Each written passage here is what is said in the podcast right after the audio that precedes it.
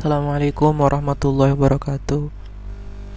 Bismillah, Alhamdulillah, wassalatu wassalamu ala surafil anbiya Sayyidina wa habibina wa syafi'ina wa maulana Muhammad Wa man tabi'ahu bi ihsan la yaumil qiyamah. Uh, Selamat malam teman-teman.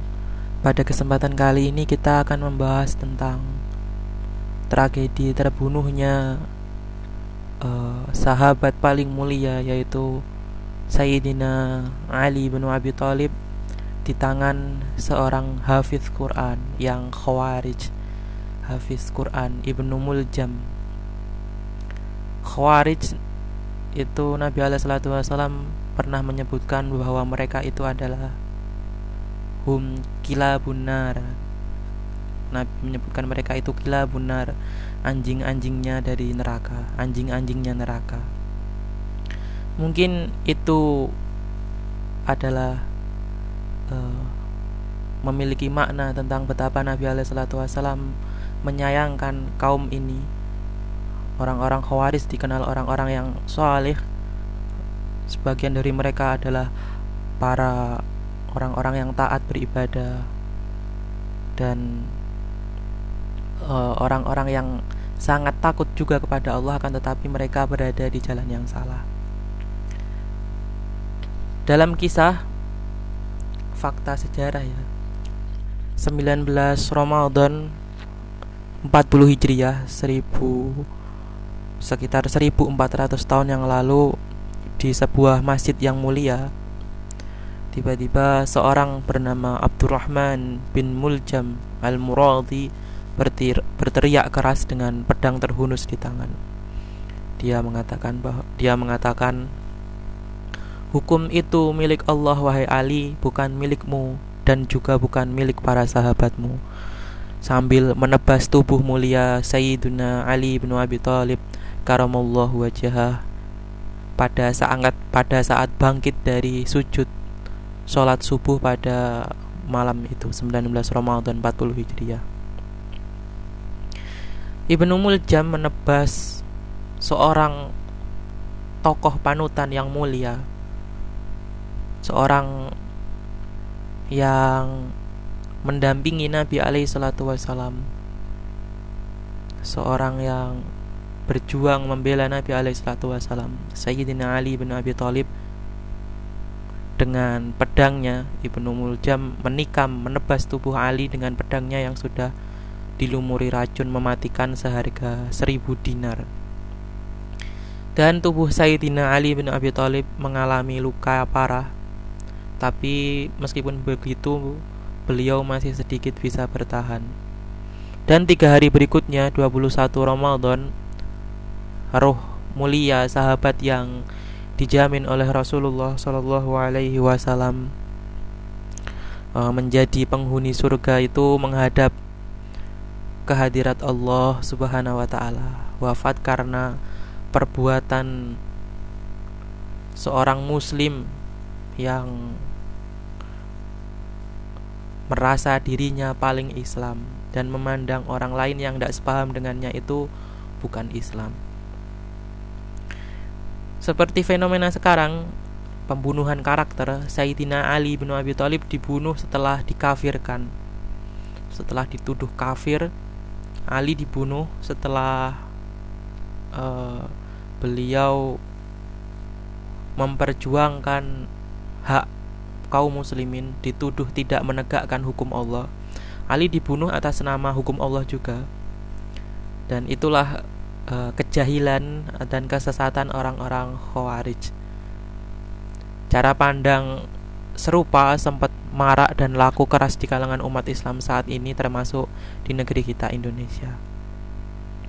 Kembali ke kisahnya Ibnu Muljam saat melaksanakan perbuatannya tersebut Ibnu Muljam berkacak pinggang lantas membaca Al-Quran surat Al-Baqarah ayat 102 sebagai pembenaran atas perbuatannya itu. Dia mengatakan wa minan nasi may yastarin nafsahu bitigha amir marudhatillah wallahu raufum bil ibad Dan di antara manusia ada orang yang mengorbankan dirinya karena mencari keridhaan Allah dan Allah Maha Penyantun kepada hamba-hambanya.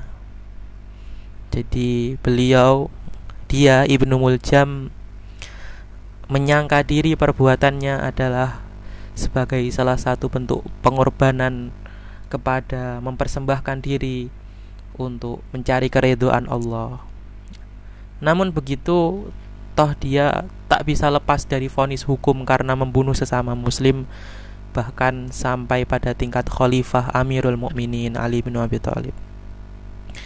Dan Ibnu Muljam dihukum kisos saat tubuhnya diikat untuk dipenggal kepalanya dia berpesan kepada uh, Al-Gojonya Wahai Al-Gojo janganlah engkau penggal kepalaku sekaligus tapi potonglah anggota tubuhku sedikit demi sedikit hingga aku bisa menyaksikan anggota tubuhku disiksa di jalan Allah.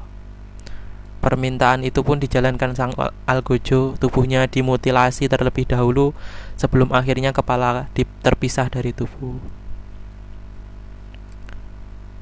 Uh, Ibnu Muljam meyakini dengan sepenuh hati bahwa aksinya mencabut uh, suami dari seorang wanita yang paling dicintai oleh Rasulullah yaitu Sayyidah Fatimah Az-Zahra sepupu Rasulullah dan ayah dari Al-Hasan dan Al-Husain itu adalah sebuah aksi berjuang di jalan Allah, mencari keridhaan Allah, jihad fisabilillah.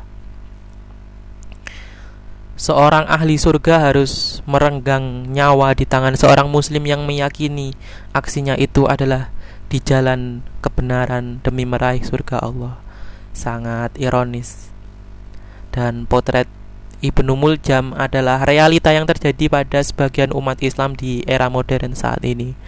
Generasi pemuda yang mewarisi pemikiran Ibnu Muljam baik pemikiran ataupun fashion itu giat melakukan provokasi-provokasi atas nama jihad di jalan Allah dengan cara membunuh, membantai, memerangi sesama bahkan melakukan bom bunuh diri yang oleh mereka disebut istishadiyah Siapa sebenarnya Ibnu Muljam? Disebutkan dalam tarikh itu dia Qaimul lail So'imun nahar Hafizul Quran. Kalau tidak salah dalam kitabnya Tarikh Tobari Dia adalah Qaimul lail. Kalau malam dia itu tegak menghabiskan waktunya untuk sholat. Kalau siang dia so imun nahar. Kalau siang itu dia berpuasa. Dan yang paling utama dia hafidul Quran. Dia adalah lelaki yang hafal Al-Quran. Zuhud rajin sholat rajin puasa dan mendapat julukan Al-Mukri. Al-Mukri. Dia juga sekaligus sebagai motivator orang lain untuk menghafalkan Al-Quran. Khalifah Umar bin Khattab pernah menugaskan Ibnu Muljam ke Mesir. Jadi di zamannya uh, Khalifah Umar, Ibnu Muljam itu diberi tugas untuk memenuhi permohonan Amr bin As untuk mengajarkan hafalan Al-Qur'an kepada penduduk negeri piramid itu.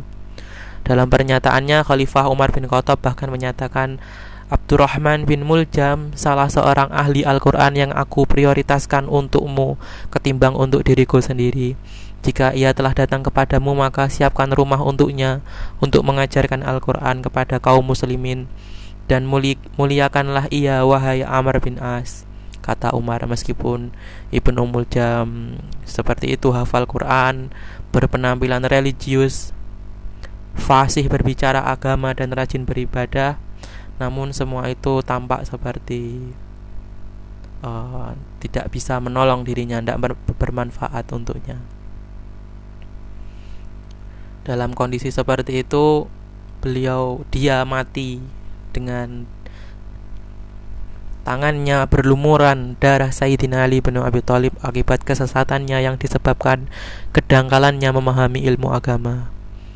Afiliasinya kepada cara pandang Khawarij yang meng mengklaim Islam paling benar, mengklaim madhabnya atau manhajnya paling benar telah membawanya terjebak dalam pemahaman Islam, pemahaman Islam yang sempit dan dangkal.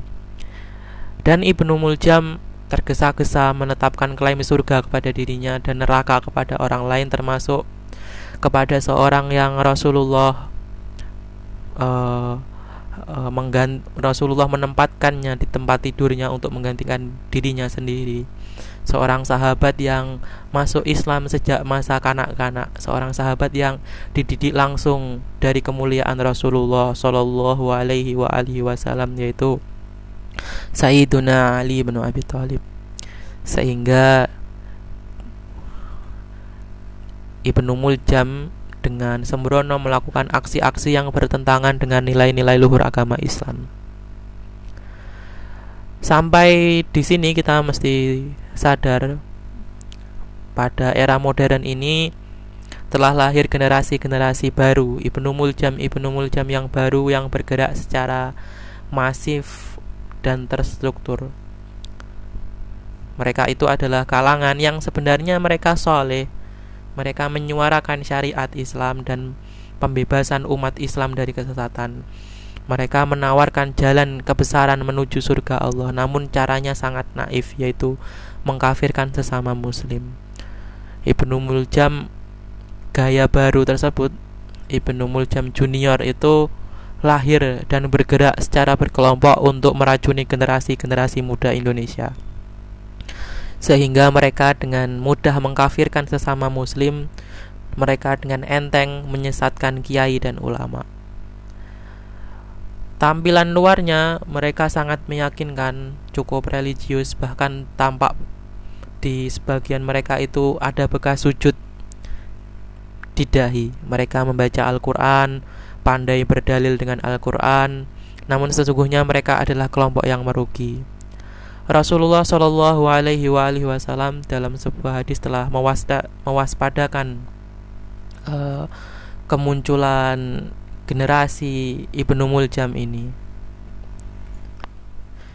Nabi bersabda, "Yakhruju qaumum min ummati yaqra'una al-Qur'an, laisat fira'atkum illa qira'atihim, wala salatukum illa salatihim syai'an, wala siyamukum illa siyamihim syai'an."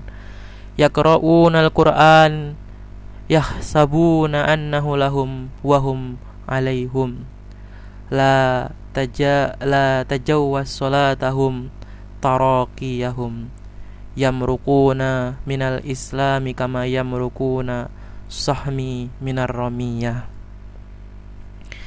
Nabi bersabda akan muncul umat akan muncul suatu kaum dari umatku yang pandai membaca Al-Quran. Bacaan kalian tidak ada apa-apanya dibandingkan dengan bacaan mereka. Demikian pula sholat kalian tidak ada apa-apanya daripada sholat mereka. Juga puasa mereka dibandingkan dengan puasa kalian. Mereka membaca Al-Quran dan mereka menyangka bahwa Al-Quran itu adalah hujah bagi mereka. Namun ternyata Al-Quran itu adalah bencana atas mereka, yakni mereka mengira Al-Quran membenarkan mereka padahal mereka bertentangan dengan Al-Quran. Sholat mereka tidak sampai batas tenggorokan. Mereka keluar dari Islam sebagaimana anak panah yang melesat dari sasaran buruannya. Kebodohan kepada ilmu agama dan perasaan merasa paling benar tersebutlah yang mengakibatkan golongan tersebut. Mereka jatuh kepada kesesatan. Mereka berjuang membela agama Islam padahal hakikatnya mereka sedang merobohkan Islam dan kaum muslimin dari dalam. Dan kita harus waspada kepada gerakan generasi penerus Ibnu Muljam jangan sampai generasi kita teracuni oleh virus Ibnu Muljam gaya baru. Menjauhi radikalisme dan ekstremisme dalam beragama perangi terorisme yang dibungkus dengan kata jihad visabilillah mereka bukan mujahid tapi khawarij gaya baru. Dan sudah terlalu banyak korban akibat ulah mereka. Islam dan ajaran Islam menjadi tercoreng karena ulah mereka. Islam itu adalah rahmatan lil alamin dan semoga Allah Subhanahu wa taala berkenan takdirkan kita dan anak penerus kita menjadi muslim yang baik yang mewarisi akhlak karimah Rasulullah Shallallahu alaihi wasallam sehingga kita dan anak-anak kita menjadi hamba Allah yang selamat. Fit dunia wal akhirah. Amin. Akhiru kalam. Wassalamualaikum warahmatullahi wabarakatuh